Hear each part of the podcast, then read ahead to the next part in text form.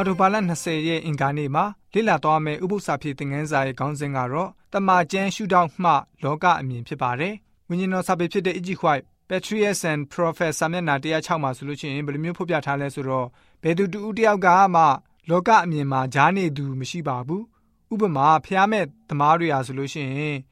အကာတကတက်တန်ကြီးကိုမျောကြည့်တော်လဲပဲဘာတစ်ခုမှမသိမမြင်ကြပါဘူး။အဲ့ဒါကိုတဘာဝဖြစ်စဉ်လို့သာခံယူကြပါတယ်။ အခြားအတိတ်ပဲဘယ်လိုမျိုးရှိတယ်ဆိုတာကိုသူတို့တွေဟာ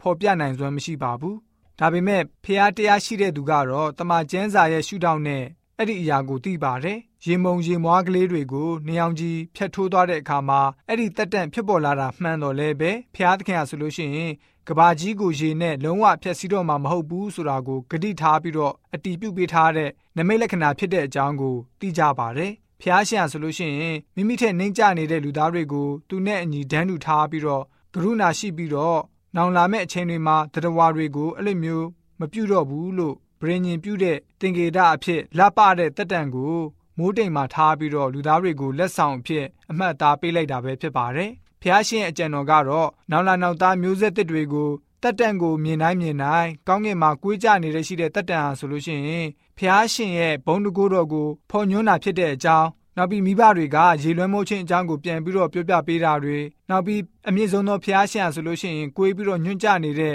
တက်တန့်ကိုမိုးတိမ်မှာထားရှိခြင်းဟာဆိုလို့ရှိရင်ကဘာကြီးကိုနောက်တစ်ဖန်ရေနဲ့လုံးဝမလွှမ်းမိုးစေတော့ဘူးဆိုတဲ့အကြောင်းကိုအတီးပြုအာမခံချက်ဖြစ်တယ်ဆိုပြီးတော့တာသမီတွေကိုပြောပြဖို့ဖြစ်တယ်ဆိုပြီးဝိညာဉ်တော်စာပေကဖော်ပြလိုထားပါတယ် တတမနဲ့အသင်းတော်အတွက်တမန်ကျမ်းစာဟာဆိုလို့ရှိရင်ယုံကြည်ချက်ရဲ့အခြေခံပဲဖြစ်ပါတယ်တမန်ကျမ်းစာဟာလောကအမြင်ကမ္ဘာအမြင်ကိုသင်ကြားပေးပါတယ်။ကမ္ဘာလောကရဲ့အခြေအနေကိုမြင်တွေ့နားလည်နိုင်ဖို့စစ်ထုတ်ပေးတဲ့နှုတ်ကပတ်တော်ဖြစ်ပါတယ်။မှားယွင်းရှုပ်ထွေးစေနိုင်တဲ့နေရာတွေမှာ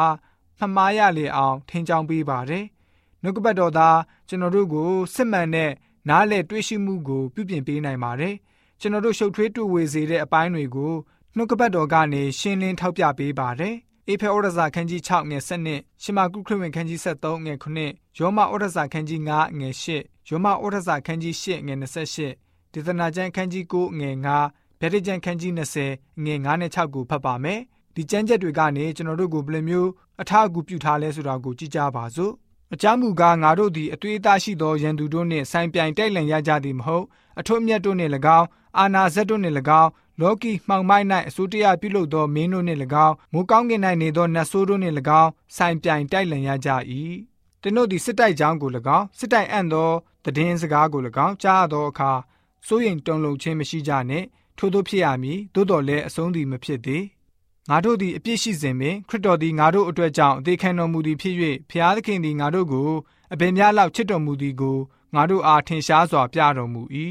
ဖျားသခင်ကိုချစ်တော်သူဒီဟုသောကြံစီတော်မူခြင်းအတိုင်းခေါ်တော်မူသောသူတို့၏အကျိုးကိုခတ်သိမ်းသောအရာတို့သည်တညီတညွတ်တည်းပြုစုကြသည်ကိုငါတို့သိကြ၏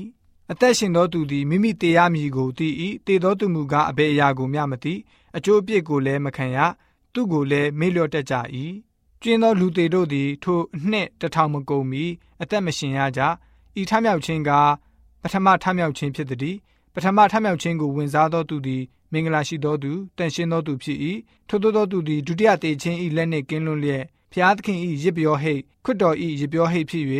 အနှစ်တစ်ထောင်ပတ်လုံးခရစ်တော်နှင့်အတူစိုးစံရကြလိမ့်မည်ဆိုပြီးတော့ဖော်ပြထားပါတယ်တတမအသင်းတော်အနေနဲ့တမန်ကျမ်းစာရဲ့တွင်တင်ချက်တွေကိုအလေးထားရပါမယ်အကြောင်းကတော့ဖျားရှင်ကနေလူသားတွေကိုအမှန်တရားကိုဖွင့်ဟပေးတဲ့အတွက်ကြောင့်ဖြစ်ပါတယ်ကျွန်တော်တို့မသိနားမလည်တဲ့ကဘာကြီးရဲ့အကြောင်းများစွာကို တမန်ကျမ်းစာက ရှင်းပြပေးနေပါတယ်ဒါကြောင့်ခရိယန်ပညာရေးစနစ်အားလုံးဟာတမန်ကျမ်းစာအပေါ်မှာအခြေခံစွာတည်ရှိစေရပါမယ်တမန်ကျမ်းစာနဲ့အပြိုင်ဝင်လာတဲ့တွင်တင်မှုတွေကိုကန့်ကွက်ထုတ်ပြရပါမယ်အချို့သောတမန်ကျမ်းစာရဲ့တွင်တင်ချက်နဲ့မကိုက်ညီတဲ့ယုံကြည်ချက်မျိုးတွေဟာယနေ့ခေတ်အချိန်ခါမှာထွက်ပေါ်လာလို့နေပါတယ်။ဒီတို့ကြောင့်ကျွန်တော်တို့ယုံကြည်သူများအနေနဲ့